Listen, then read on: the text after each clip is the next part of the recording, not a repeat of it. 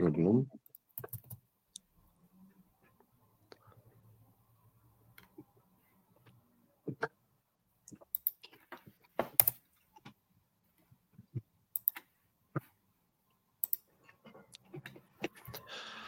Tak, tak, jesteśmy, proszę Państwa, jesteśmy na żywo. Kamil Sobolewski, popatrzyli Państwo na Kamila Sobolewskiego solo przez chwilę, ale witam Was też bardzo serdecznie. Kamil Sobolewski, główny ekonomista pracodawców RP. Ja się nazywam Robert Stanilewicz, Analizy Online i to jest e, kanał analizy on live. Witamy wszystkich bardzo gorąco. Od razu zachęcamy do tego, żeby zrobić sobie subskrypcję naszego kanału, w którym mówimy o inwestowaniu, rynkach finansowych, gospodarce o świecie. Kamil Sobolewski przez lata zarządzający y, y, funduszami na różnych rynkach i to były spore kwoty, 40 miliardów na przykład, ale też zarządzające oczywiście swoimi inwestycjami, jak sądzę, ale o tym zwykle nie mówimy jakoś więcej. Dzisiaj będziemy mówić o mm, pewnej wolcie w RPP, ale generalnie jednak o takim nastawieniu mniej gołębim tak czy inaczej niż ono było przez poprzednie miesiące, czy to z powodów e, tych y, niecnych podejrzeń politycznych, czy raczej po prostu dlatego, że ta inflacja przestała spadać, tak czy inaczej Rada Polityki Pieniężnej raczej stóp, na pewno stóp nie będzie obniżać w najbliższym czasie.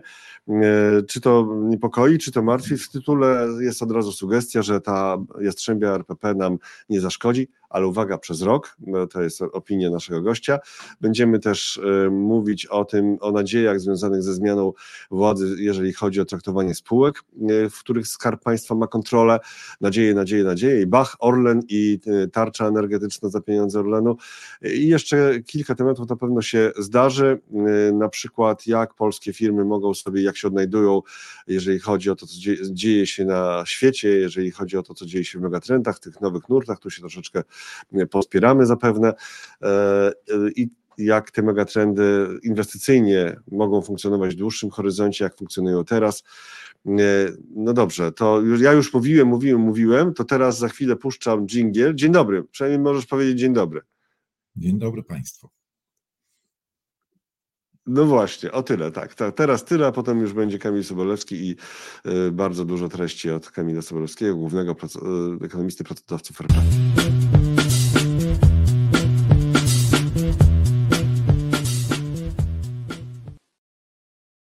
Zacznijmy od tego, co wydarzyło się e, na posiedzeniu, czy po posiedzeniu Rady Polityki Pieniężnej, konferencja prasowa e, profesora Pińskiego po konferencji e, i taki koncyliacyjny ton, że prezes mówił, że będzie współpracował z każdym rządem, z, z nowym rządem tak samo dobrze, nie lepiej, nie gorzej, bo tak, takie ma podejście, tak samo by współpracował z rządem i tutaj wymienił dwóch polityków, Y, uważanych za takie pewne skraje sceny politycznej, czy po prawej, czy po lewej stronie. Y, to rzeczywiście było zaskakujące, że sytuację gospodarczą ocenił w ciągu tam tych 10 minut, potem już przeszedł do pytań. Tu nawet wcześniej ekonomiści z banku pisali, że teraz dzisiaj prezes opowie różnych y, w swoich przemyśleniach na temat różnych spraw, być może będzie też o polityce monetarnej, a potem się okazało, że faktycznie było zwięźle krótko, ale to nie zmienia tego, że rzeczywiście proces obniżenia stóp procentowych chyba się w Polsce zakończył, e, czyli jednak teraz jest już takie bardziej jastrzębie podejście, e, jastrzębie podejście, którego się mm, no tak generalnie zwykle można trochę obawiać, czy to nie będzie zarżnięcie, przyrżnięcie gospodarki, jakieś zaciśnięcie gospodarki, i jak to może wyglądać, e, jak może wyglądać ta kwestia działań Rady Polityki Pieniężnej, czy kwestia wpływu na inflację, kwestia wpływu na gospodarkę, a potem też na na dług, na obligacje, co się z kolei przełoży na wyniki funduszy dłużnych. Tak, myślę, że też warto wspomnieć, że prezes Glapiński sporo uwagi poświęcił e, wyjątkowej trafności projekcji inflacyjnych, które przygotowuje Narodowy Bank Polski. Warto powiedzieć, że te projekcje powstają w oparciu o model NECMOD, e, który, jak dobrze pamiętam, jeszcze z czasów e, doktoranckich rozwijany był między innymi przez Łukasza Harta za dawnych czasów Marka Belki, jeszcze w pierwszej dekadzie 2000 lat. No i co mogę powiedzieć na temat polityki pieniężnej? Projekcja inflacyjna, czyli model, który zakłada, że nie będzie zmian stóp procentowych, od y, dłuższego czasu pokazuje, że inflacja do końca 2025 roku nie wróci do celu inflacyjnego 2,5%, a być może otrze się o górny przedział wahań wokół celu inflacyjnego. Ten przedział wahań to jest plus minus jeden punkt procentowy, czyli projekcja pokazuje tą inflację gdzieś tam w okolicach 3,5% za, na koniec 2025 roku. I o ile dzisiaj koniec roku 2025 ciągle jest dość odległym y, horyzontem, bo to jest ciągle ponad dwa lata, a prezes wczoraj słusznie mówił, że polityka pieniężna powinna y, oddziaływać na zjawiska mniej więcej za półtora roku, no to, y, to, to w zasadzie implikuje, że tych podwyżek stóp, obniżek stóp być nie powinno, czy szerzej nie powinno być rozluźniania w tej chwili polityki pieniężnej, no bo sam, same wyliczenia Narodowego Banku Polskiego wskazują na utrzymywanie się podwyższonej inflacji przez okres dłuższy niż czas oddziaływania polityki pieniężnej. Co ciekawe, bardzo podobne projekcje były również y, w momencie, kiedy y, RPP zdecydowała się na mini cykl obniżek stóp procentowych tuż przed wyborami. Jakie są konkluzje rynkowe? No mi się wydaje, że y, jednak trudno inaczej uzasadnić ostatni zwrot poglądów dwukrotnie w y, Radzie Polityki Pieniężnej niż polityką.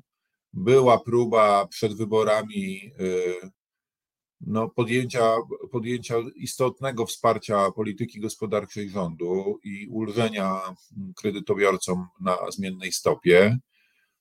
Ta próba, co zostało wyraźnie zasygnalizowane już na poprzedniej konferencji, została zakończona. W tej chwili do końca marca mamy tryb wait and see, a potem przyszłość podyktuje projekcja.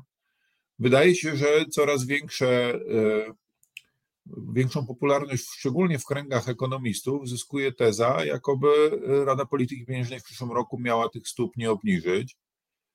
Rynek jest w tej sprawie nieco bardziej optymistyczny, ale mówiliśmy o tym, że ten optymizm rynku co do ewentualnych obniżek stóp, on ma wymiar globalny, dotyczy również rynków rozwiniętych, dotyczy również innych gospodarek wschodzących i jest wyrazem pewnego e, też, pewnej też rozgrywki portfelowej, gdzie y, długa pozycja na obligacjach w takim scenariuszu mocniejszego slowdownu amortyzuje długą pozycję w akcjach. Więc y, trzeba pamiętać, że przy doborze aktywów do portfela grają nie tylko przewidywanie, ale też jakiś rodzaj y, risk managementu tych zarządzających funduszami, więc niekoniecznie trzeba się do każdej prognozy przywiązywać, jakby ona była pewnego rodzaju projekcją przyszłości. Także podsumowując, wydaje mi się, że rosnące prawdopodobieństwo, że Rada Polityki Pieniężnej stóp w przyszłym roku nie ruszy. Gdybym miał powiedzieć, co by było, gdyby Rada Polityki Pieniężnej kierowała się argumentami merytorycznymi, pewnie dojechalibyśmy ze stopami procentowymi nieco wyżej niż 7,5%. E, przepraszam, 6,75%. Myślę, że w okolicy 7,5-8%. Pewnie e, ten nadchodzący rok to byłby czas lekkiego łagodzenia e, polityki pieniężnej. Ile, ile? Do, do ilu, do ilu? Do 7,5-8%. Myślę, że tam byśmy e, na pewno dojechali. Myślę, że myślę, że ten rok najbliższy byłby rokiem delikatnego łagodzenia stóp procentowych. Myślę, że raczej w kierunku 6-7%, a nie poniżej 6%, więc już w tej chwili jesteśmy na poziomie stóp niższym niż implikowany przez e, fundamenty. I w związku z tym, że ta e, deklaracja, oczywiście słowa są słowami, tak, że będę równie współpracował z każdym rządem, no ale to nie zmienia faktu, że przy dość podobnych wynikach projekcji mimo że wtedy do końca 2025 roku było ponad 2,5 roku, tak, czy, czy równe 2,5 roku, RPP decydowała się obniżać stopy, teraz się decyduje nie obniżać. Więc e, widać wyraźnie tą zmianę e, jastrzęb, w stronę bycia bardziej jastrzębim. Wydaje mi się, że e, ta jastrzębiość banku centralnego nie przejawi się w podwyżkach stóp, tylko we względnej stabilizacji stóp procentowych w taki sposób, żeby y, zachować twarz poszczególnych członków Rady ze szczególnym uwzględnieniem prezesa. Natomiast realna jastrzębiość polityki będzie widoczna w dwóch aspektach. Po pierwsze, no, zamknięte są drzwi, które nigdy nie sugerowano, że mogą być uchylone do rolowania obligacji, które znajdują się w portfelu Narodowego Banku Polskiego, a zostały wyemitowane przez Skarb Państwa lub z gwarancją Skarbu Państwa. Tych obligacji jest rząd wielkości 140 miliardów złotych i ten portfel będzie malał. Narodowy Bank Polski nie będzie reinwestował środków uzyskanych z zapadalności tego długu, a to oznacza, że trudniej będzie finansować pod tę, tą część potrzeb pożyczkowych, która wynika budżetu, która wynika z rolowania starych długów, bo do tej pory było, no przypomnijmy, na przyszły rok ten jeszcze pisowski budżet przewiduje potrzeby pożyczkowe brutto 220, przepraszam, netto 225 miliardów złotych, zapadalności 195 miliardów złotych i łącznie 420 miliardów potrzeb pożyczkowych. No do tej pory było tak, że jak ktoś dostawał zwrot pieniędzy, to co do zasady można było liczyć, że statystycznie coś z tymi pieniędzmi musi zrobić, więc pewnie jakoś tam je zreinwestuje. Natomiast teraz no, w tej części, która w przyszłym roku wynosi 195 miliardów złotych, te zapadalności, które są w banku centralnym, po prostu nie wrócą na ten rynek. W związku z tym wyższa nieco poprzeczka dofinansowania potrzeb. A jeśli chodzi o drugi kanał oddziaływania, i to jest dosyć ciekawe, no to zysk Narodowego Banku Polskiego. On w ostatnich latach wyraźnie wspierał dużo stabilniejsze budżety rządu PiS i prawie na pewno nie będzie wspierał budżetów rządu Donalda Tuska. Warto znaczy, wbrew deklaracjom. Rozumiem, że rozumiem, że deklaracjom nie wierzysz, tak, prezesie? To nawet nie jest kwestia deklaracji. To na tą chwilę jest czysta matematyka, że bank centralny nie, by, nie, jakby nie, nie wykaże zysku, tak? I raczej można się zastanawiać, czy będzie jakaś próba zarządzania zyskiem przyszłego roku wokół tego, mhm. co mogłoby na przykład implikować jakieś lekciutkie osłabienie, pokusę lekkiego osłabienia złotego do końca roku, bo zysku i tak nie będzie po to, żeby podnieść e, prawdopodobieństwo, że również w przyszłym roku nie zostanie wykazany zysk. Natomiast e, e, tak, żeby cut the long story short, mm, rentowności w Polsce są głównie pod wpływem wydarzeń globalnych. Mimo tego jastrzębienia polityki Narodowego Banku Polskiego, która co do zasady powinna spowodować szybszy spadek długich stóp, bo to oznacza, że ta inflacja zostanie pokonana i będziemy mogli wrócić do reżimu niskich stóp za rok, dwa, trzy, cztery, a te dziesięcioletnie stopy zawierają w sobie przecież 10 takich składanych rocznych okresów, to to się w zasadzie nie stało, tak? Bo przecież amerykańskie stopy cofnęły się z procent niemal 5 y, do 4,20, a w tym czasie polskie z 5,80 do 5,40, więc ta dynamika, mimo wyższych poziomów stóp, jest o połowę mniejsza. Także widać, że y, rynki, rynki chyba bardzo dobrze rozumieją to, że to nie bank centralny ustala stopy w Polsce. Tak? On to robi w krótkim terminie, może zdeterminować stopy w horyzoncie roku czy dwóch. Natomiast w długim terminie to sytuacja gospodarcza i dlatego ta praca NBP i każdego innego banku centralnego jest taka trudna, żeby, bo bank centralny potrzebuje dostarczyć wiarygodny obraz sytuacji gospodarczej. I e, jeśli to jest wiarygodne i on powie, że stopy w związku z tym będą mogły być obniżone, bo tak podyktuje gospodarka, to stopy spadają faktycznie na rynku, ale jeśli z tak zwanego partyzanta obniża Na rynku, stopy, na rynku, na rynku, właśnie. Tak. Stopy rynkowe, stopy rentowności obligacji tych bardziej długoterminowych zareagują wzrostem na gwałtowną, nieuzasadnioną obniżkę stóp, która podnosi ścieżkę inflacji. Tak? Więc, więc wydaje się, że ta bardziej ostra polityka banku e, centralnego choćby to, co widać po rentownościach dziesięcioletnich w Polsce, ona jest raczej odbierana jako przywrócenie normalności y, i ortodoksyjnej polityki pieniężnej, a nie jako y, wypadek nadmiernej jastrzębiości, który coś będzie nas kosztował. Dosyć podobna jest też reakcja mhm. do, do, do obligat... rynku walutowego. To za chwilę, do tych tak. Za chwilę przejdziemy też do rynku walutowego. Y, y, przez chwilę pojawił się wykres rentowności obligacji dziesięcioletnich polskich i też do tego wrócimy. Y, ale jeszcze a propos samej, samej polityki monetarnej na najbliższe miesiące, to no, jest taka pokusa, znaczy, albo co zrobiły osoby z Rady Polityki Pieniężnej, które na przykład zgłaszały propozycje podwyżek o e, 100 punktów bazowych, tak? E, Czy, e, czy taka propozycja się pojawi i czy jednak nie będzie jakiejś takiej pokusy, żeby y, pójść w tym kierunku, może nie o 100, ale jednak zacieśnić politykę monetarną, skoro sam mówisz, że real, e, racjonalnie byłoby 7,5-8% w obecnej sytuacji. No raczej bym powiedział, że 7,5-8% było racjonalne jakby przez bieg tego roku, kiedy ta inflacja Aha. osiągnęła szczyty. Teraz byłoby pewnie pytanie o timing lekkiej obniżki, czyli gdybym teraz miał taki poziom y, racjonalny ocenić, no to pewnie bym powiedział rząd wielkości 7%. Y, No, wniosek o podwyżkę stóp procentowych y, o 100 punktów bazowych w ostatnim czasie zgłaszała tylko Joanna Tyrowicz. Nie była Dokładnie. Już nie chciałem tego mówić, tak.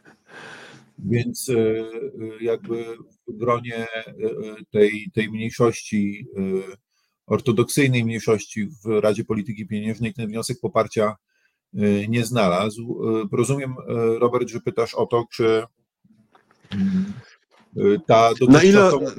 gołębia część porady polityki pieniężnej Tak, się nie zjastrzębi, się nie zjastrzębi, się nie zjastrzębi. nie zjastrzębi się. No moim zdaniem, jeżeli się zjastrzębi, to będzie to miało wyraz w innych parametrach polityki pieniężnej niż, niż yy, same stopy procentowe. Myślę, że w związku z potrzebą zachowania twarzy czeka nas raczej stabilizacja stóp procentowych. Pewnie na tą chwilę z lekkim ryzykiem spadku tych stóp w przyszłym roku, ale nie poniżej 5%. Natomiast no, można sobie też wyobrazić różne scenariusze globalne dla inflacji i dla gospodarki, i to w zależności od tego będzie reagować. Dziś nie znamy tych wszystkich składowych przyszłych decyzji, więc, więc pewnie gdybym miał powiedzieć na tą chwilę, taka wartość oczekiwana stóp na koniec przyszłego roku to jest pewnie gdzieś 5,5%. No musimy pamiętać, że też y, to jest poziom praktycznie Stanów Zjednoczonych, tak? Że te, na tą chwilę rynek oczekuje, że cykle się skończyły w Europie i w Stanach. To jest bardzo mocno podparte dynamiką inflacji w ostatnim czasie. Natomiast na ile ta inflacja na świecie, tej spadek ma charakter przejściowy, to to jest to wielkie pytanie. Ja tu już kilka razy zajmowałem e, stanowisko, że jakby nakłada nam się szok e, pandemiczno-wojenny, który wygasa i będzie implikował e, taką ulgę, o i wszystko będzie dobrze, wracamy do starego normalnego, no jednak z pewnego rodzaju strukturalnymi zmianami, takim wyrazem, najbardziej chyba czystą formą wyrażenia tych strukturalnych zmian jest wzrost realnych stóp procentowych, o którym mówiliśmy przy poprzedniej okazji, w Stanach Zjednoczonych z poziomu nawet minus 1% do poziomu plus 2%. Więc jeżeli sobie wyobrazimy, że taki Fed yy, trzyma się celu inflacyjnego 2%, nie decyduje się go podnieść, kiedy już wszyscy czują, że ta inflacja spadnie, yy, czyli przyjmiemy restrykcyjne założenie co do ścieżki inflacji w Stanach, chyba najbardziej najbardziej spadkowe, jakie można sobie wyobrazić, no to realna stopa 2% ponad inflację 2% implikuje stopy procentowe 4%, a nie 0%. Jak to bywało. A to z kolei oznacza, że cały świat będzie żył w takim jakby dłuższym trendzie ze stopami ze stopami nominalnymi rzędu 4%. Dzisiaj tam jest 5,25, 5,50 przedział, więc stąd pewnie te oczekiwania rynkowe w Stanach na obniżkę rzędu 130 punktów bazowych. No ale jest pytanie, czy ta odległość stóp w Europie względem Stanów umożliwi w ogóle zbliżenie się do tych starych poziomów i jaka premia za ryzyko jest potrzebna w Polsce, jak będą wyglądały polskie zjawiska inflacyjne, bo one się przecież zasadzają o nasze fundamenty gospodarcze, jednak nieco szybszy wzrost, wyczerpywanie się zasobu pracy i spadek zatrudnienia, co będzie tworzyło presję inflacyjną w Polsce pewnie bardziej niż w krajach rozwiniętych. Więc jakby szereg tam elementów, które można byłoby długo wymieniać, sprowadza się do tego, że ta stopa realna w Polsce też będzie musiała być prawdopodobnie dodatnia i to wyraźnie dodatnia. Jeżeli przyjąć, że ona byłaby tylko tak samo dodatnia jak w Stanach, czyli wynosiłaby 2%, i przyjąć, że inflacja łatwo wróci do 2,5% i, i tam zostanie, no to takie normalne stopy w Polsce wynosiłyby 4,5%, tak? Takie całkowicie normalne, bez premii zatrzymanie kasy dłużej, ryzykowanie tej zmienności, która się wiąże z bardziej długoterminowymi obligacjami, jak się zdążyliśmy już wszyscy przekonać.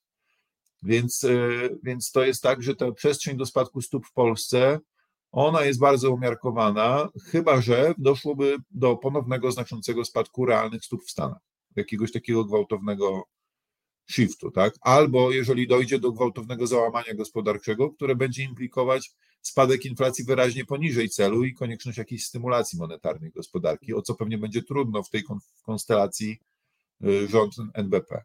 Także wydaje mi się, że biorąc pod uwagę te wszystkie czynniki, to y, taka jastrzębia Rada Polityki Pieniężnej przez najbliższy y, rok to jest coś, czego gospodarce jest po prostu potrzeba.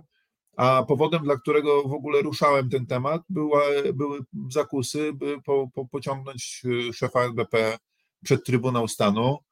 Może tu jednym zdaniem dosłownie tą kwestię. No, Jasne, to... nawet nie musi być jednym zdaniem, tak wiem, nawet mam pod ręką twój wątek na e, Twitterze, to ja go może tutaj pokażę jeszcze, tak, bo to oczywiście on jest, bo to jest ciekawa analiza, taka bardzo, powiedziałbym, techniczna wręcz, znaczy nie w sensie rynkowym techniczna, tak, tylko analiza ewentualnych ewentualnego zjawiska, jakim byłoby postawienie, bo to nie chodzi o jakiś wyrok przed tym, tylko sam akt, tak, jakie miałby mieć konsekwencje, bo to wokół tego bardzo dużo emocji narosło, a Twoja analiza no, może być zaskakująca dla, e, myślę, wielu osób.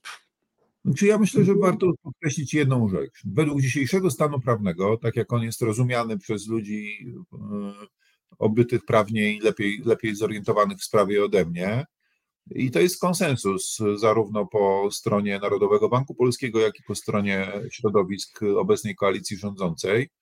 Sam fakt postawienia y, prezesa Glapińskiego przed Trybunałem Stanu oznaczałby odsunięcie go od pełnienia obowiązków.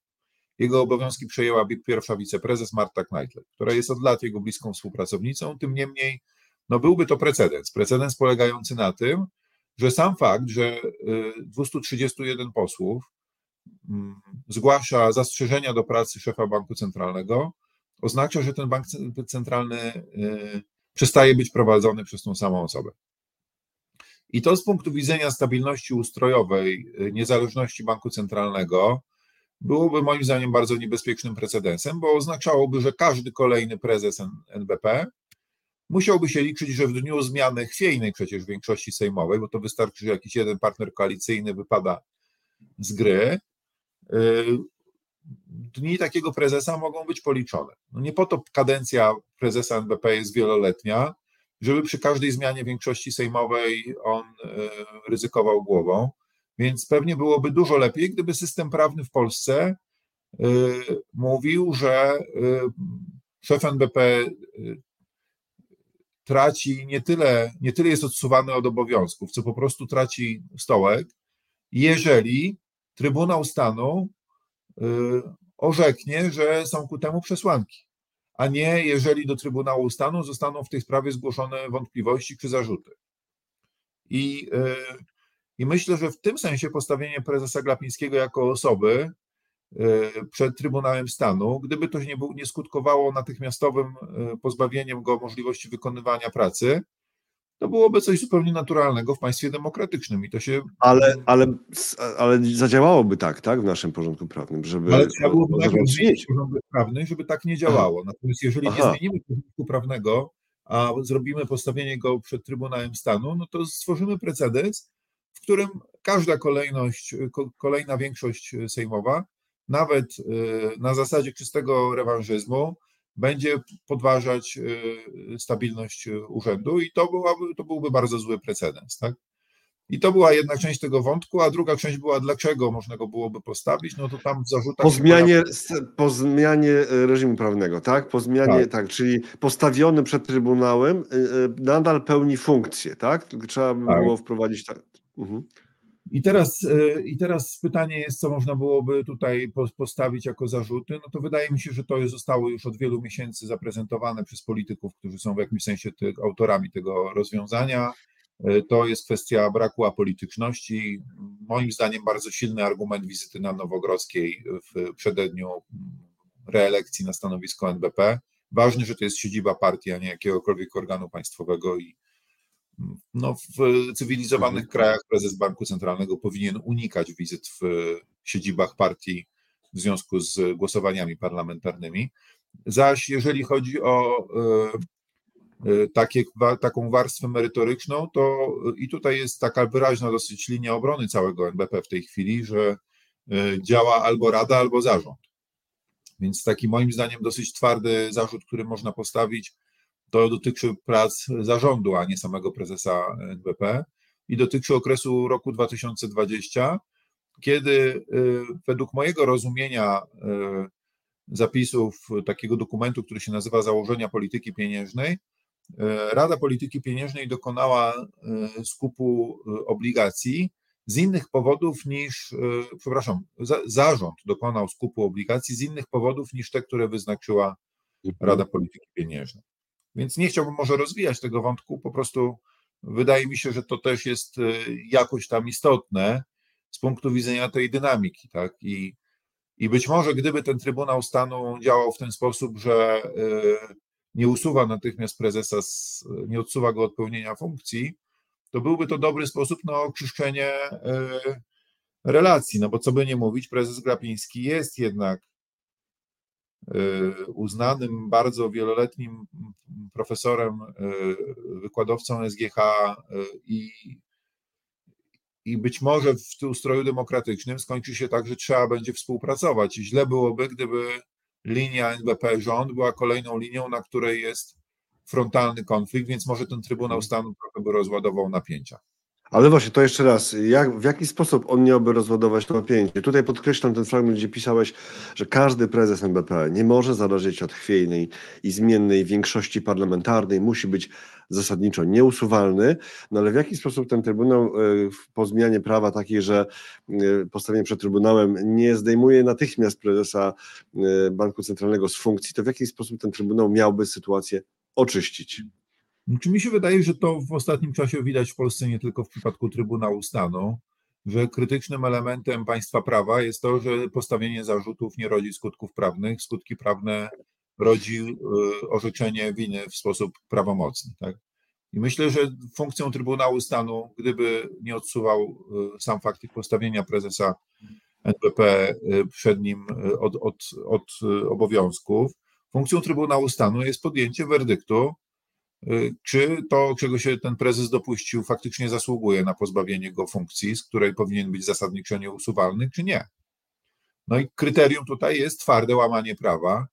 Jeżeli ktokolwiek z urzędników państwowych łamie prawo w sposób jakby wyrazisty, no to ryzykuje usunięcie z urzędu, tak? I... Ale to rozumiem, my tego teraz nie... Nie, nie, nie ale nie chodzi mi o to, że Trybunał Stanu, jeżeli by orzekł, że prezes ma prawo, Miałby...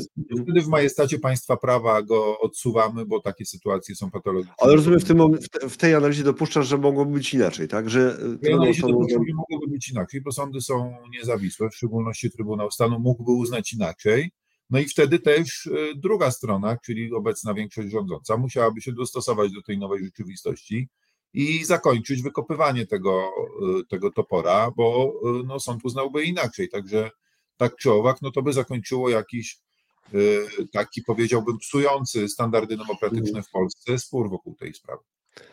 To jeszcze zacytuję z Twojego wątku w perspektywie lat wojna na linii NBP. Rząd będzie zła dla gospodarki. Trybunał Stanu, którego werdykt mógłby, ale nie musi oznaczać zmiany prezesa NBP, to właściwy sposób na obiektywne wyjaśnienie konfliktu i rozpoczęcie współpracy niezależnie od personaliów i emocji. No proszę, y, jaki nam się temat z tego zrodził. Ale wróćmy y, do samego długu, do obligacji. Y, bardzo interesuje mnie Twoja opinia w takim razie, jakie są perspektywy Oczywiście wnikliwi i profesjonalni widzowie z tego, co już mówiłeś, sobie takie wnioski zapewne wyciągnęli, ale już tak konkretnie, a to, przepraszam, Ameryka nam wpad, mi wpadła, a to jeszcze nie Ameryka, jeszcze nie idziemy do Ameryki, do Stanów, e, tam były dwudziestolatki, czyli taki ETF na dwudziestolatki amerykańskie, a teraz będą dziesięciolatki polskie e, i za ostatnie 12 miesięcy i widzimy tak. podróż od tych poziomów tam już pod, pod 7, pod 7% rentowności do tych poziomów e, mm, obecnie, obecnie 5,33, no 5,33 jakoś tak. Mhm. Wydaje mi się, że to, co cały czas podkreślam, to, że y, Obraz na polskim rynku obligacji dyktowany jest sytuacją globalną w 70%, a w 30% tylko czynnikami lokalnymi. I ostatni spadek rentowności z poziomów, no tutaj widać na wykresie 6, ale to była naprawdę chwilowa sytuacja do poziomu 5,30, tak mówisz, no to to jest, to to jest spadek mniejszy niż ten w Stanach, także Także po prostu tutaj bym nie przypisywał temu spadkowi w całości czynnika lokalnego. Tak, to się dzieje w bardzo silnie byczym środowisku dla obligacji globalnie. No i tak jak powiedziałem już wcześniej, tak wiąże się z taką globalną nadzieją, że epizod inflacyjny się zakończył i że wraca, wraca okres stabilnie niskiej inflacji. Ta nadzieja pewnie tak globalnie jest podsycana przez, przez sytuację w Chinach, gdzie ta inflacja w zasadzie nie wybuchła. Pewnie też część tej inflacji wzięła na siebie trzecia największa na świecie gospodarka, czyli gospodarka japońska, w której inflacja wreszcie jest. Tam ma być chyba 2,7% w przyszłym roku według oczekiwań, więc jak na Japonię, to to jest niemal hiperinflacja, tak, z punktu widzenia tego, jak się nie dało tej inflacji pobudzać. Także globalnie e, te, nastąpił taki rebalancing inflacyjny, tak, te kraje, które miały problem z pobudzeniem inflacji, gdzieś tam e, mają coś, co dla nich jest zbawienne, bo długotrwały okres bez inflacji rodzi problemy strukturalne w gospodarce. W Stanach, e, w strefie euro mamy tam szereg jakichś lekko pozytywnych niespodzianek i w związku z tym spadają te rentowności globalne i w tym kontekście spadają również rentowności polskie, dodatkowo napędzane efektem, e, e, i tu jest teraz trochę nieintuicyjne, tak? Oczekiwania przez rynek wyższych stóp w krótkim terminie, które mają zbić stopy w dłuższym terminie. Więc, więc można powiedzieć, że wyższe stopy dziś przez najbliższy rok to są niższe stopy dziesięcioletnie, bo inflacja da się w ten sposób łatwo pokonać. Także nastąpił taki rebalancing i w tym sensie ten Jastrzębi Bank Centralny w Polsce na te najbliższe kwartały to jest taki złoty środek, co też w kontekście tej dyskusji o ewentualnym usunięciu szefa NBP daje taki komfortowy czas, żeby te kilka kwartałów, yy, zupełnie jest to niepotrzebny tutaj pośpiech, to próbuję powiedzieć. E, Paweł, e, większość pytań jeszcze spróbujemy, jeżeli znajdziemy czas i nasz gość znajdzie czas jeszcze na koniec, e, na tak, taką sesję sobie zrobimy Q&A, ale tutaj w wątku pojawiło się pytanie, czy polskie obligacje dziesięcioletnie, czy już są drogie? Mi się wydaje, że są drogie co do ryzyka, natomiast może tutaj taka, tak, wydaje mi się, że są drogie, natomiast myślę, muszę to chyba powiedzieć, bo to w przypadku akcji kursów walut jest najczęściej dość intuicyjne, że my myślimy wartościami oczekiwanymi. Chociaż na przykład case e, eurofranka w czasach, kiedy e, e, padł ten floor na eurofranku, mhm. pokazuje, że, że, że są, bywają skrajne sytuacje, w których ruchy są bardzo duże. Tak? I teraz um, próbuję powiedzieć o tym, jak wygląda rozkład prawdopodobieństwa. Jeżeli on przypomina rozkład normalny, taki dzwonowaty, symetryczny rozkład, gdzie ruch w górę i ruch w dół jest podobnie prawdopodobny, to myślenie kategoriami wartości oczekiwanej jest e, właściwe. Natomiast mi się wydaje, że stopy procentowe, w szczególności stopy procentowe dzisiaj, to nie są, to nie jest instrument, którego rozkład jest e, normalny, ani normalny z grubymi ogonami, tylko to jest rozkład silnie skośny. I o tym e, gdzieś tam chyba na Twitterze pisałem, jak te rentowności w Stanach Czyli co to znaczy dla, no spróbujmy dla osób. Zbliżały się do 5% wtedy te rentowności, to, to pisałem coś takiego, że e, jest bardzo mała szansa, że pójdziemy bardzo mocno w górę i duża szansa, że pójdziemy sporo w dół, znaczy trochę w dół, tak? Czyli e, ruch w dół był dużo bardziej prawdopodobny, ale w dużo mniejszej skali, a ruch w górę był dużo mniej prawdopodobny, ale w dużo większej skali. Tak? I gdybym dzisiaj miał powiedzieć, no to ten, to cofnięcie cen w jakiś sposób e, wyrównało tą e, sytuację. I teraz e, przez chwilę chyba możemy myśleć w takich kategoriach wartości oczekiwanej, tak? Czyli ten rynek ma mniej więcej równe prawdopodobieństwo, że pójdzie w górę, a nie albo w dół. Nie ma takich, takich punktów zapalnych. Pewnie gdybyśmy się mieli znowu zbliżyć do 5% w Stanach, to znowu by się pojawiło ryzyko takiego eksplozywnego wzrostu tych rentowności, które jest no bardzo małe, ma prawdopodobieństwo realizacji, ale miałoby ogromny wpływ na ceny aktywów finansowych i może być jednym z powodów, dla którego zarządzający portfelami w ramach hedżu ryzyka portfelowego trzymają długie pozycje w obligacjach skarbowych stałokuponowych, właśnie po to, żeby na ten, na ten skrajny scenariusz się wtedy jakby w tym, w tym skrajnym scenariuszu prawdopodobnie inne aktywa zapracowałyby też pozytywnie, a w przypadku spadku rentowności po prostu obligacje są dosyć dobrym sposobem wyrażenia tego, na czym się da zarobić. No w tej chwili po tym spadku rentowności o te 80 punktów bazowych, wydaje mi się, że obligacje na świecie są, mimo tych pozytywnych niespodzianek, które miały miejsce w fundamentach gospodarczych ostatnio, mi się wydają cały czas drogie. Tak? Ja nie widzę tutaj jakiejś wielkiej hossy na obligacjach. Wydaje mi się, że jesteśmy w sytuacji new normal, gdzie jednak ta inflacja będzie podwyższona i przy założeniu, że stopy realne 2% w Stanach to jest taki nowy normalny poziom, no to co? Do takiego punktu, gdzie powiedzielibyśmy, że nie ma w ogóle soku w obligacjach, czyli w amerykańskiej rentowności rzędu 4%, to zostało nam 20 punktów bazowych, a ewentualna mniej optymistyczna wizja co do tego, że inflacja już została pokonana, no przyniosłaby nas na zupełnie jakby wyższe poziomy niż jesteśmy w tej chwili, tak? Więc, więc moim zdaniem globalnie nie bardzo jest sok w tych obligacjach i w Polsce nie bardzo jest sok w tych obligacjach. Sok, war... rozumiem, no znaczy...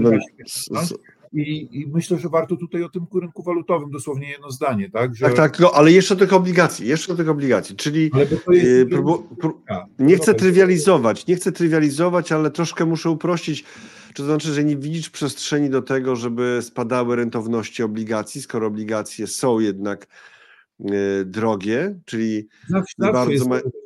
Chuck Norris na rynkach ma 60% trafnych decyzji i 40% chybionych, więc ja jestem daleki od powiedzenia, że nie ma szans na spadek rentowności, ale mówię, że risk return, rozkład szans i ryzyk wokół tych rentowności jest taki, że ja bym się raczej skłaniał do tego, żeby nie mieć długich pozycji w obligacjach, gdybym je traktował jako instrument spekulacyjny. Natomiast to, co robią zarządzający portfelami którzy nie mają podejścia spekulacyjnego, tylko podejście portfelowe, no mają jakieś inne inwestycje w portfelu, tak? Mają akcje różnego typu, mają obligacje korporacyjne, pewnie mogą mieć jakieś klasy typu surowce. I no, tej... zdarzyło się nawet, że mają pote... zdarzyło się nawet komuś, że potężny lewar mieli.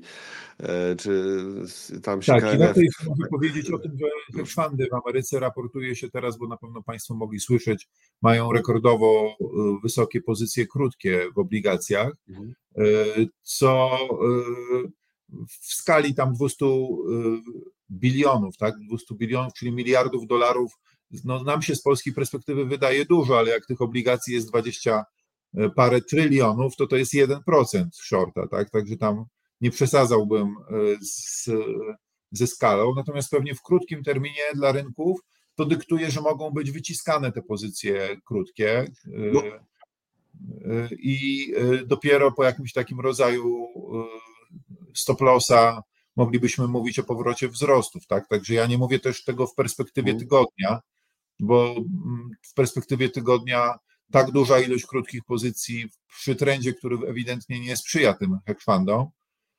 Y, może powodować, że pojawią się jakieś pęknięcia tutaj w ich strukturze i po prostu ewentualny stop loss na tą kwotę ruszy rynkiem przez kilka dni. Tak? Także te 4%. Okej, okay, okay. To jeszcze takie pytanie, bo mówiliśmy na początku o tym, że ta jastrzębia RPP przez rok nam nie zaszkodzi.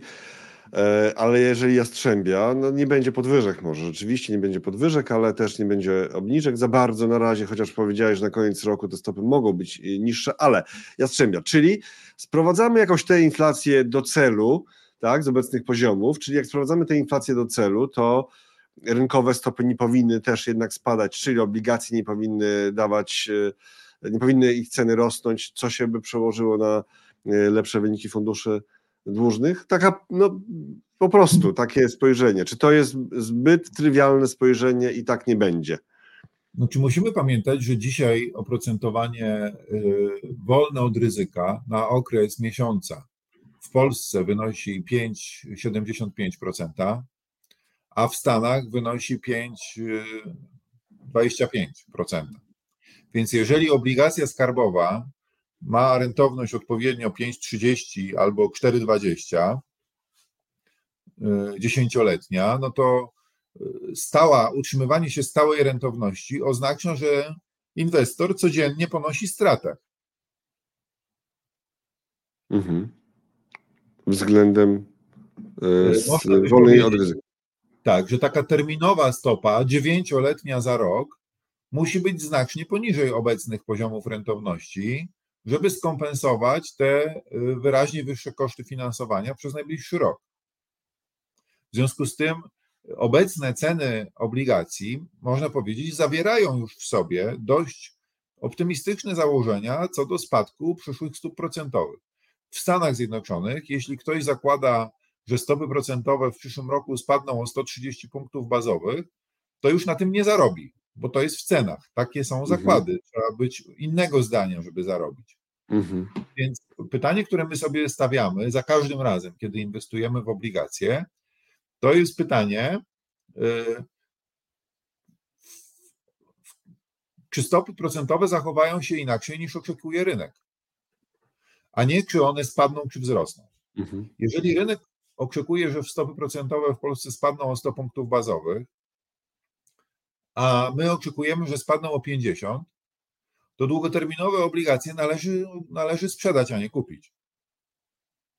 Żeby je chcieć kupić, to musimy zakładać, że te stopy spadną o więcej niż oczekuje rynek. I y, aktualna sytuacja na polskim rynku, y, ja bym ją interpretował w ten sposób, że bardzo poprawiło się otoczenie globalne dla obligacji, bo spadły rentowności na świecie i wydaje się, że inflacja na świecie mniej straszy niż dotychczas.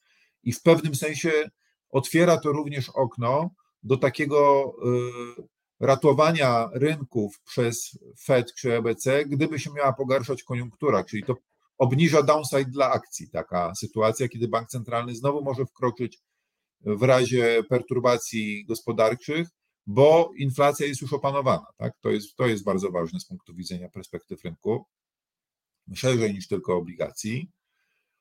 Y, I w związku z tym y, ten, ta skala, niewielka skala spadku stóp procentowych w Polsce, ona też odpowiada y, temu, że w krótkim okresie oczekujemy nieco mniejszych spadków rentowności w Polsce, czyli bank centralny bardziej racjonalny, pilnujący swojego mandatu przez najbliższy rok, w związku z tym przez kolejne 9 lat nieco niższe stopy, bo inflacja będzie niższa niż w scenariuszu Gołębiego Banku Centralnego.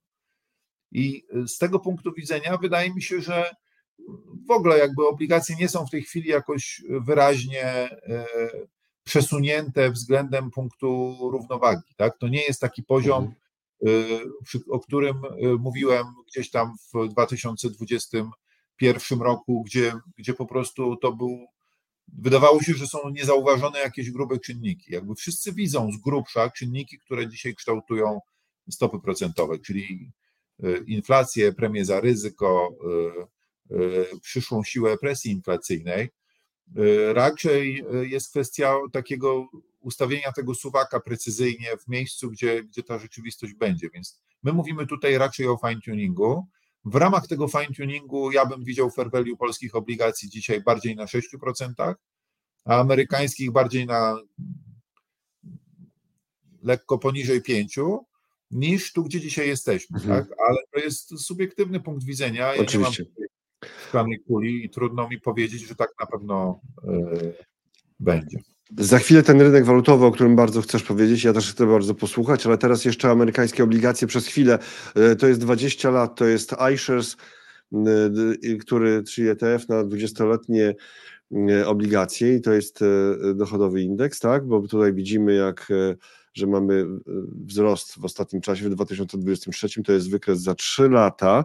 Y, jak, I było pytanie pod postem, który wstępnie zapowiadał Twoją wizytę, czy już jest czas na kupowanie 20-letnich i 30-letnich obligacji amerykańskich. Rozumiem, że w jakichś ETF-ach właśnie, no bo inaczej to raczej chyba nikt nie, nie jest w stanie sobie takiej obligacji nabyć.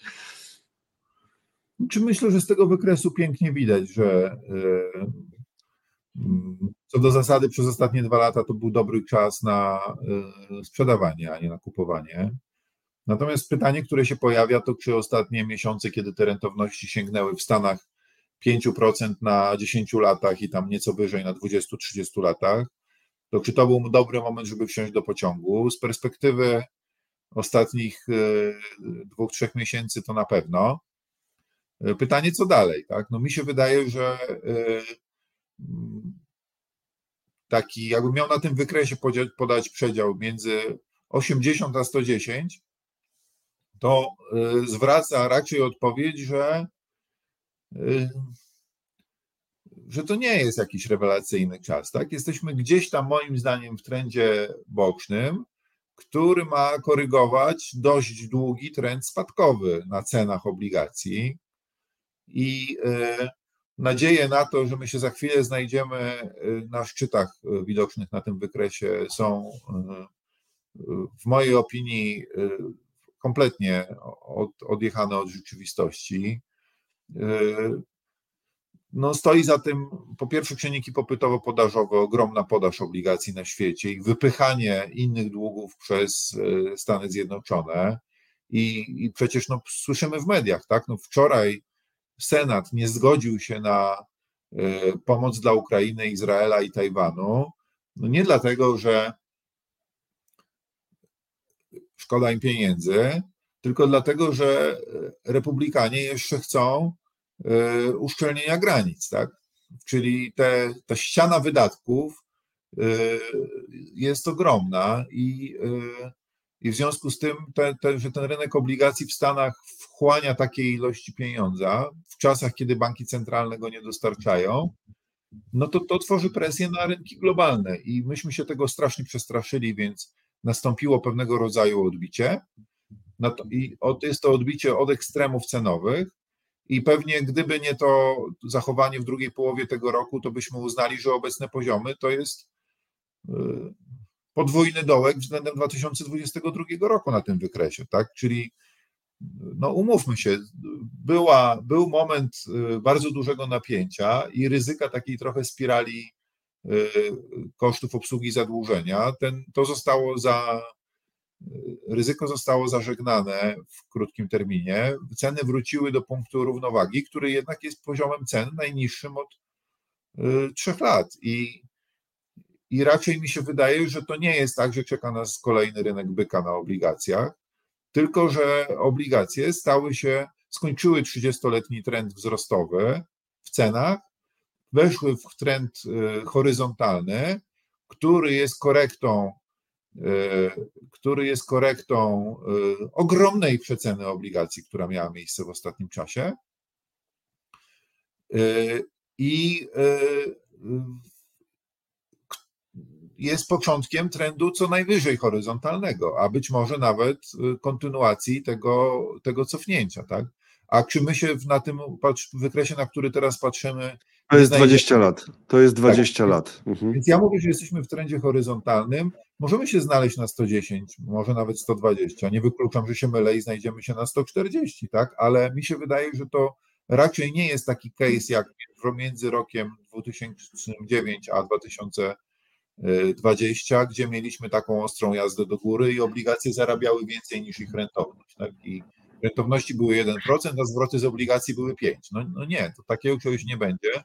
Teraz rentowności będą, już w tej chwili w Stanach są 4,20 i to jest mniej więcej stopa zwrotu, której się można z tych y, obligacji y, spodziewać. I moim zdaniem ona nie jest jakaś super atrakcyjna, biorąc pod uwagę y, ryzyka, które są dla tego takiego scenariusza wycenianego przez, ostatnio przez rynek. Ryzyka geopolityczne, ryzyka demograficzne, ryzyka związane z klimatem, ryzyka związane z technologią. Tak? To są wszystko, że tak powiem, znajdujemy się w świecie bardzo trudno przewidywalnym.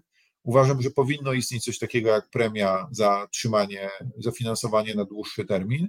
Jeśli w krótkim terminie mogę dostać, też w sumie w obligacjach, tak, bo my też mówimy o obligacjach rocznych, dwumiesięcznych czy trzymiesięcznych, rentowność w Stanach powyżej 5, w Polsce rzędu 5-7, to dla mnie to jest lepsza lokata niż trzymanie obligacji sporo niżej oprocentowanych, gdzie mogę mieć, gdzie mam po prostu dużo większe ryzyko zmienności, a niekoniecznie dostanę średnio w czasie lepszą dochodowość.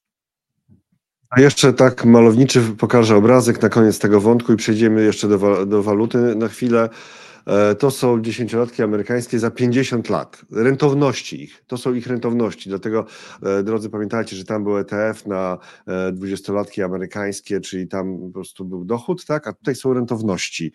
I widać tą niesamowitą hossę od tam lat początku, no, 80., czyli spadały rentowności, czyli ceny obligacji rosły, rosły przez raz, dwa, trzy, prawie przez te 40 lat. Ta hossa trwała. Widać COVID, odbicie potem rentowności i ten moment, kiedy jesteśmy teraz, no to tam tego ząbka ostatniego w ogóle oczywiście w takim wykresie nie widać. No, ale rozumiem, że to nie jest tak, że, że teraz. Mhm, proszę. Może zmieńmy tą skalę jednak na liniową z logarytmicznej, bo tutaj odległość między 1 a 2 jest taka sama jak między 5 a 10 no to nie, nie jakby nie odpowiada stopom zwrotu, które To jest logarytmiczny, zaraz, zaraz, to jest... W tej chwili jest skala logarytmiczna, a chodzi o to, żeby była liniowa, wtedy zobaczymy ten mhm. Jasne, tak. W takiej uczciwszej e, formie z punktu widzenia kogoś, kto myśli stopą zwrotu i zarabiania na portfelu, no bo taką tu przyjmujemy perspektywę. Mhm. Już, już, już, już się pojawia, proszę bardzo. O, więc widać, że tutaj jakby to fajnie dosyć widać, tak, że po tych latach 70., y, kiedy wszyscy się przestraszyli kompletnego wypadku inflacyjnego, mieliśmy takie dosyć szybkie odreagowanie, a potem wyszliśmy w trend spadkowy, tak? I to, co mamy w tej chwili, to mamy jakiś rodzaj odreagowania trendu, mm, czy, czy tego, tych zjawisk w krótkim terminie, y, które na tym, po tym ząbku już widać, że się w skali mają nijak do tego, co było na przełomie lat 70. i 80 ale to, to, co ja próbuję powiedzieć, że nie wejdziemy w trend spadkowy. Będziemy w trendzie horyzontalnym. Czy on będzie na poziomie 3, czy on będzie na poziomie 5, to trudno dzisiaj mi wyrokować. Wydaje mi się, że to będzie raczej poziom rzędu właśnie tych 4%, więc przy rentownościach 4,20 w Stanach to z grubsza oznacza, że nie ma żadnego wynagrodzenia za to, że zamrozimy kapitał na wiele lat, albo za to, że zmienność portfela z duration 10 lat jest nieporównywalnie większa niż zmienność portfela z duration 3 miesiące. Także ja bym się trzymał cashu, dopóki ten cash dobrze płaci. Y, y, wydaje mi się, że takie czasy, kiedy dłuższa duration z automatu oznaczała lepsze stopy zwrotu, po prostu odeszły w zapomnienie. I dlatego no wiadomo, że jeżeli ktoś ma plan, żeby za 10 lat wyjąć określoną kwotę, to dla niego właściwą inwestycją jest obligacja dziesięcioletnia, stałokuponowa. Ale jeżeli ktoś ma plan, żeby za 3 miesiące móc swoje pieniądze wypłacić, to jego profil po prostu nie pasuje do y, y, potencjalnie wypłacić, tak? Czy za rok, to jego plan nie pasuje do inwestycji długoterminowych i takie pasywne trzymanie długoterminowych inwestycji przez krótkoterminowych inwestorów, jakimi w większości jesteśmy, nie, nie ma w tej chwili mhm. uzasadnienia spekulacyjnego, tak to bym ujął. E, dobrze, do waluty teraz. E, tylko tak, jak mam tu wyciągnięty euro, e, euro złoty. Euro złoty. Euro... Po, po, prostu chciałem podkreślić, może być euro, euro złoty. Euro złoty, nie dolar złoty, tak? Tak, też... euro złoty za ostatni rok myślę, że to będzie. Jest, już, już wjeżdża, tak, proszę bardzo. No tylko o tej walucie jedno zdanie, tak? Mhm. Zwykle w takich krajach y, bliskich krajom rozwiniętym jak Polska, y, polityka nie waha rynkami finansowymi. Jakieś grube decyzje w zakresie polityki gospodarczej mogą powodować wpływ na rynek, ale raczej nie polityka. Natomiast my widzimy, że w Polsce 15 października to jest dzień luki. Tego na wykresie nie ma. Jakbyśmy ten wykres rozciągnęli na 3 lata, to może wybuch wojny byłby takim dniem luki, ale nie aż takiej jak na tym wykresie, że naprawdę nie ma tam ceny, tak? I, e, I to oznacza, że polski rynek zachował się w sposób wyjątkowy. Zareagował na zmiany polityczne, najpierw oczekując tej zmiany, i tutaj widzimy jazdę tam z poziomów 4,60-4,65, tak jakby w antycypacji wyniku wyborczego gdzieś tam na 4,55, a potem spadek na 4,45. To jest umocnienie złotego o ponad 3%. Uświadommy sobie, że szekla izraelska y, y, na ataku Hamasu straciła 3%. Czyli to jest ruch w takiej skali, tak? I y, co to oznacza? Wiemy też, co się stało z cenami akcji w tym czasie na giełdzie, tak? I wiemy, musimy też pamiętać, jak rozmawiamy o obligacjach, że to też ma wpływ na obligacje. Czyli jeżeli premia za ryzyko kraju wyraźnie spada, no to obligacje wyraźnie drożeją, a, a, a rentowności wyraźnie spadają. Tak więc y, ten komponent y, polityki, widoczny w akcjach, widoczny w walutach, on miał również przełożenie na ceny obligacji. Myślę, że dosyć fajnie widać to teraz na wykresie, który. Y, a nie, to tak, są jeszcze. To, są, to, jest, to jest euro złoty za 3 lata. Euro.pl. No więc no więc widzimy, że nawet wybuch wojny, on się charakteryzował pewną ciągłością rynku, prawda? Mhm. W sensie cena nie przeskoczyła tak jakby poziomu bez. E, ten ruch był większy w reakcji na wybuch wojny, ale spójrzmy sobie na to z perspektywy tego całego ruchu od, e, e, od wybuchu, od, od, od zmiany politycznej.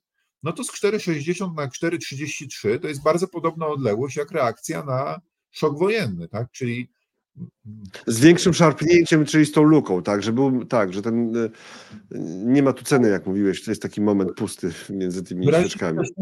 tak, więc mi się wydaje, że to y, bardzo fajnie pokazuje, jak bardzo rynek zareagował na politykę w Polsce, tak, i widać to też w danych ekonomicznych, bo jak sobie popatrzymy na PMI ostatniego, no to takie skok o 4,5 punktu w y, PMI-u, który jest oczekiwaniami menadżerów zakupowych co do E, koniunktury tak, gospodarczej, no to on się, ona się też wyraźnie poprawiła bez analogicznej, podobnej poprawy e, w otoczeniu. Czyli widać, że ten, ta polityka stała się czymś tak palącym przez ostatnie lata i z perspektywy rynków, i z perspektywy biznesu, że sam wynik wyborów w kraju, stabilnym kraju z ratingiem A, e, mieszczącym się w Unii Europejskiej, wywołał gwałtowne ruchy rynku. To warto, myślę, podkreślić, bo gdyby mi ktoś to powiedział y, kilka miesięcy temu, to bym powątpiewał, że y, jakikolwiek wynik polityczny jest w stanie tak bardzo mocno przesunąć rynki finansowe. I fajnie, no, że dlatego że tutaj w tej walucie trochę mniej jest jastrzębienia banku centralnego, chociaż też trochę jest, no bo w krótkim okresie wyższe stopy procentowe to jest nieco atrakcyjniejszy złoty, więc można powiedzieć, że o ile ten pierwszy przeskok o 3% y, to jest efekt, y, czysty efekt wyborów, to kolejny przeskok o 2% y, na walucie to jest, patrząc oczywiście tylko na czynnik lokalny, a nie globalny, to jest w jakimś tam stopniu oczekiwanie, że bank centralny nie będzie obniżał stóp, czego spodziewaliśmy się przecież, jeśli chodzi, no może nie wszyscy my, ale co było w cenach mhm. rynkowych y, jeszcze dwa miesiące temu.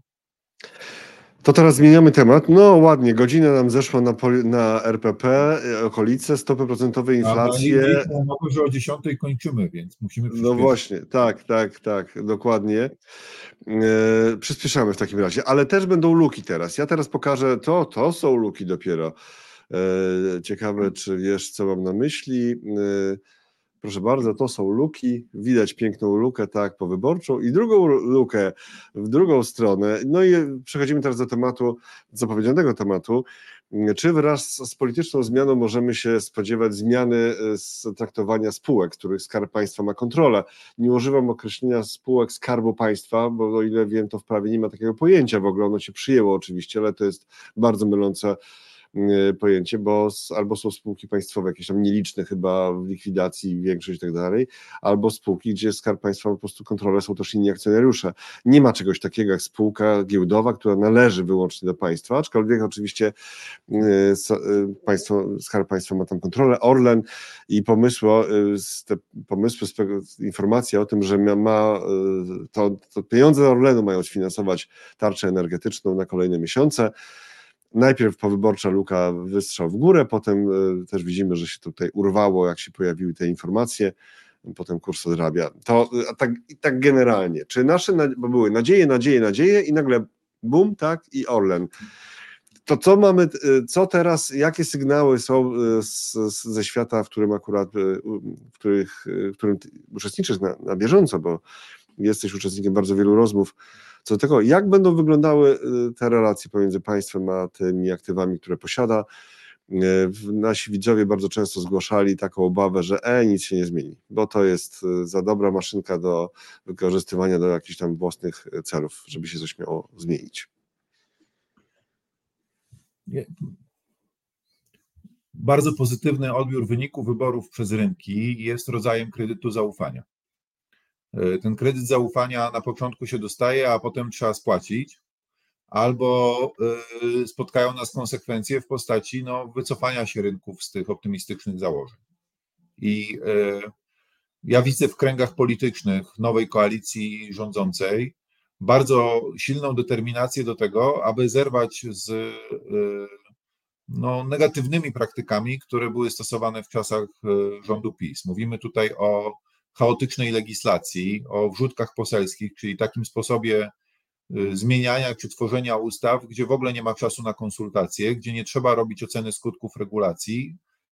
Właściwie y, poza rządem czy grupą posłów projekt nie podlega y, analizie i przechodzi przez Sejm, następnie Senat odrzuca, ale nie ma dość mocy i na końcu prezydent to szybko podpisuje. To się również wyraża sposobem traktowania e, spółek z udziałem Skarbu Państwa przez właściciela. Powiedzmy sobie jasno, spółki Skarbu Państwa to są, e, to jest nomenklatura dawnego Ministerstwa Skarbu obecnego aktywów państwowych. Takie spółki znamy wszyscy, tak? BGK czy PERN, operator rurociągów, no to są spółki typowo z Skarbu Państwa, tylko one nie są notowane. Wszystko, co jest na giełdzie, tak jak Robert powiedziałeś, to są spółki z udziałem Skarbu Państwa. W przypadku Orlenu ten udział wynosi tam, e, z tego co pamiętam, chyba prawie 50%. I e, no tak, widzimy na wykresie reakcję na politykę, czyli mm, spółki Skarbu Państwa będą zarządzane e, z poszanowaniem interesów, z udziałem, spółki z udziałem Skarbu Państwa będą zarządzane z poszanowaniem interesów akcjonariuszy mniejszościowych. Kurs rośnie tutaj na wykresie z 62 do 66, mamy lukę. Po czym e, e, informacja o tym, że to z kieszeni Orlenu będzie finansowane, finansowana tarcza energetyczna i mamy kolejną lukę w dół, powrót do dawnych poziomów, prawda? I mhm. Ja miałem okazję, rozmawiając regularnie z politykami, konfrontować tą sytuację z nimi i w takim, w takim kontekście, że obietnice wyglądają świetnie, tylko taka sytuacja jest dowodem na to, że stosowana jest praktyka patologiczna, praktyka, która nie powinna mieć miejsca. Choćby wczoraj Myślę, że też warto to powiedzieć. Może to nie chodzi o kwestię poglądów politycznych, tylko kwestię y, odbioru. Takim absolutnym liderem, jeśli chodzi o responsywność y, i y, wsłuchiwanie się w głos środowisk biznesu, to jest środowisko trzeciej drogi. Właśnie wczoraj w trakcie panelu, który miał miejsce na giełdzie i w którym brałem udział razem z Michałem Koboską, podniosłem tą kwestię więc sprawa jest publiczna, możemy sobie o tym jasno powiedzieć. I padły w takiej może trochę ironicznej formie, ale następujące powody tej decyzji, które miały bronić takiej tezy, że wypadek z Orlenem był wyjątkiem i nie należy zakładać, że będzie się powtarzał w stosunku do innych firm. I wśród tych argumentów, ja to sparafrazuję, bo to były takie raczej tezy y, nieprawdziwe, które miały pokazać, czym Orlen y, w ostatnim czasie się różnił od, y, od innych spółek. No bo po pierwsze była bardzo silna pozycja konkurencyjna Orlenu, wręcz taki argument trochę monopolu, który umożliwił czerpanie zysków w tym czasie większych niż gdyby rynek był bardzo bardziej konkurencyjny. Po drugie była kwestia powiązań politycznych między zarządem Orlenu a odchodzącą ekipą rządzącą. No i po trzecie,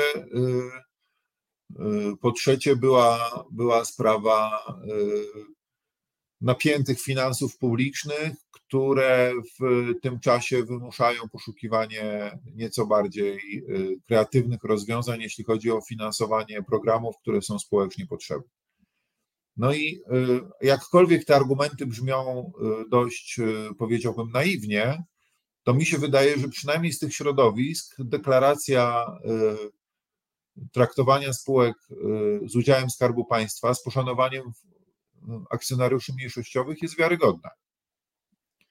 I ja osobiście kupuję argument, że to był taki wypadek, który dotyczy spółki ogromnej, bo to jest przecież największa spółka na giełdzie, z realnym, działającej w skali, która może mieć realny wpływ na politykę państwa i że jest to pewnego rodzaju odreagowanie zjawisk, które miały charakter jednorazowy i minęły. Myślę też, że biorąc trochę rolę adwokata diabła, jeśli robić coś takiego, to w taki sposób, żeby później powiedzieć, że to było jednorazowe. Pytanie, czy takich jednorazowych akcji nie będzie więcej. No, gdybym miał się zakładać, to przez 4 lata spodziewam się, że jeszcze taka jedna czy dwie akcje mogą się zdarzyć. Ja jednak, a jednak. Ale jednak PiS przyzwyczaił nas do tego, że takie akcje biegają stadami. Więc myślę, że w jakimś sensie ten optymizm rynkowy dotyczący tego, że to będą sytuacje bardzo rzadkie, jest uzasadniony. Okej, okay. czy w Londynie też podzielają ten pogląd? Taka, taka, taka myśl, takie pytanie, może retoryczne, no bo skąd pewnie tak, nie odpowiesz. Na dłuższą rozmowę, natomiast prominentne środowiska inwestorskie przez ostatnie lata z mocnym przyspieszeniem w ostatnich miesiącach były bardzo brutalnie zaskakiwane polityką państwa, która w żaden sposób nie liczyła się z interesem inwestorów. Przykładem jest apteka dla aptekarza 2, czyli poselska inicjatywa zmiany ustawy o kredytach eksportowych na Ukrainę, która przeistoczyła się w potencjalnie wywłaszczenie zagranicznych właścicieli sieci aptek. Krótko mówiąc, przy, przy temacie Ukrainy posłowie wpadli na pomysł, że sieć aptek nie może liczyć więcej niż cztery apteki, i w związku z tym iluś inwestorów zagranicznych poniosło. Okej, okay, bo to już rozumiem, rozumiem. No też, też, też te mechanizmy, które tego tutaj. Tego typu case'ów, które krążą w środowisku biznesu, ale też funduszy, które posiadają biznesy w Polsce i dla których taka niespodzianka w jednym celu inwestycyjnym oznacza rosnącą powściągliwość w stosunku do innych celów inwestycyjnych w Polsce, takie przypadki Mhm. biegały stadami. I myślę, że e, o ile. Że już nie będą biegać, tak? Że już nie będą biegać stadami. Ja widzę ogromny optymizm e, z zagranicy co do tego, że e, wiadomo, każdy kraj czasem posuwa się poza pewnego rodzaju standard oczekiwany przez rynki, kiedy sprawuje politykę gospodarczą. No taka jest rola polityków, żeby czasem iść na skróty, żeby zrealizować cele polityczne. Natomiast wydaje mi się, że to zmasowanie tych, tych zachowań Mhm. w ostatnim czasie było tak bezprecedensowe i tak odbierające chęć inwestowania w Polsce, że w tej chwili myślę, że powiem śmiało, nie ma nikogo, kto się spodziewa, że zostanie po staremu. Okej, z dobrze. tym zmiana Mhm. jest Okej, dobrze, ale tutaj wisi cały czas komentarz od Pawła. Dojenie SSP się nie zmieni. Dojenie byłoby ok przez dywidendy, ale nie przez podatki. No właśnie, była taka metoda, yy, ale tutaj też przypomina e, Paweł o opodatkowaniu KGHM-u. To jeszcze właśnie przed, przed, przed się wydarzyło. E, czyli... Więcej podatków, które państwo sobie pozwala nakładać, tak? Bo państwo dość arbitralnie ustala akcyzę, y, ustala VAT na poszczególne... No tak, tak, ale co, to podatki, to okej, okay, ale wyciąganie, ale wy, podatek pod jedną spółkę, jaką jest KGHM, no wprowadzono przepisem, tak? Chodzi o to, żeby z KGHM wyciągnąć Tak. pieniądze. No ale to E, też tak nie jest jedyny kraj, w którym jest podatek wydobywczy. Ja myślę, że e, e, trzeba sobie jasno powiedzieć, że państwo ma prawo oddziaływać na gospodarkę i przez e, dywidendy, i przez podatki, i przez innego rodzaju regulacje. I e, fakt, że podatki się pojawiają, zmieniają stawki, wysokości, e, jest czymś normalnym na całym świecie. Myślę, że byłoby utopią oczekiwać, że tego nie będzie. Natomiast to, co się wyłania, i między innymi właśnie z tych rozmów, o których tutaj mówię, y, ale to liczne rozmowy, wyłania się postulat, uniwersalny postulat organizacji biznesu. Ja reprezentuję y, organizację biznesu, gdzie samo zatrudnienie jest 5 milionów ludzi, tak więc to jest naprawdę wie, wie, wielki organizm. I, ale, ale tych organizacji biznesu w Polsce jest jeszcze grube kilka i wszyscy uniwersalnie zgłaszają postulat, który przez polityków został usłyszany i jest powtarzany jako własny na przykład przez kręgi Koalicji Obywatelskiej czy, czy Trzeciej Drogi. E, I to jest postulat, żeby podatki były nakładane w takim rytmie raz w roku, gdzie ogłoszenie podatków następuje do końca roku, później do końca półrocza, potem jest półroczny lub dłuższy okres vacatio legis i e, potem jest e, i potem dopiero jest wdrożenie. Czyli jeżeli ktoś zmienia podatki w październiku, to się musi liczyć z tym, że one wejdą od 1 stycznia następnego roku. Tego, mhm, okej, ale y, I tutaj... To, mi się wydaje, to byłoby już samo w sobie bardzo dobre z punktu Mhm. widzenia planowania wyników w firmach, planowania cash flowów, bo to pamiętajmy, że te podatki, ok, one może odzierają trochę akcjonariuszy z e, wartości, ale one mogą też powodować e, no, problemy płynnościowe firm, tak? Zachwianie procesów inwestycyjnych. Myślę, że i, i drugi plecz, czy taka zobowiązanie, które się pojawia ze strony polityków, to, że będzie to element dialogu, czyli że oni się, się będą wsłuchiwać, czyli że taki KGH nie tylko na przez, przez ministra aktywów państwowych, ale też przez akcjonariuszy i przez, przez rynki, i przez konsultacje społeczne będzie mógł argumentować za i przeciw, dlaczego warto albo dlaczego y, nie warto tego robić. I panie Pawle, co do nadmiarowych zysków, nawet ostatnio y, Ryszard Petru, który został szefem Komisji y, Gospodarki w Sejmie, teraz jest ten czas sejmowy, bo jeszcze nie ma rządu, tak? Y, Zorganizował takie spotkanie dla organizacji biznesu. Jeden z podstawowych postulatów, które moja organizacja podniosła w trakcie pierwszej wypowiedzi, która była w reakcji na wypowiedź y, pana przewodniczącego komisji i pana marszałka Hołowni, który się pojawił również na tym spotkaniu, więc wysoki poziom polityczny. To była, była teza, że pojęcia takie jak nadmiarowe zyski i zbyt wysokie marże powinny zniknąć z języka polityki, bo firmy są od tego, żeby zyski robić. Tak? Tu na pewno No, środowisko. ale windfall tax, windfall, windfall tax nie jest polskim wymysłem, tak swoją drogą. Nie jest, ale jest głupim wymysłem, dlatego że Mhm. kompletnie nie bierze pod uwagę tego, jak zmieniło się zapotrzebowanie na kapitał obrotowy w firmach w związku z inflacją, o czym już sobie kiedyś tu rozmawialiśmy. I w związku z tym taki windfall tax y, odbiera cash flow firmom, które powinny dźwigać transformację energetyczną i one nie są w stanie przy rosnących potrzebach wydatkowych na zapasy i przy odbieraniu cash flowów przez windfall tax nie są wtedy w stanie inwestować, czyli windfall tax powoduje, że w krótkim okresie mamy z czego sfinansować y, y, rybę, ale w długim okresie nie stać nas na wędkę i y, w związku z tym ten pro, pro, problem kryzysu demograficznego się propaguje na dłuższy okres, niż by się propagował, gdyby te nadmiarowe zyski, o których nie myślę, że są nadmiarowe, trafiły prosto na inwestycje, Ostatnia na, minuta. na przykład.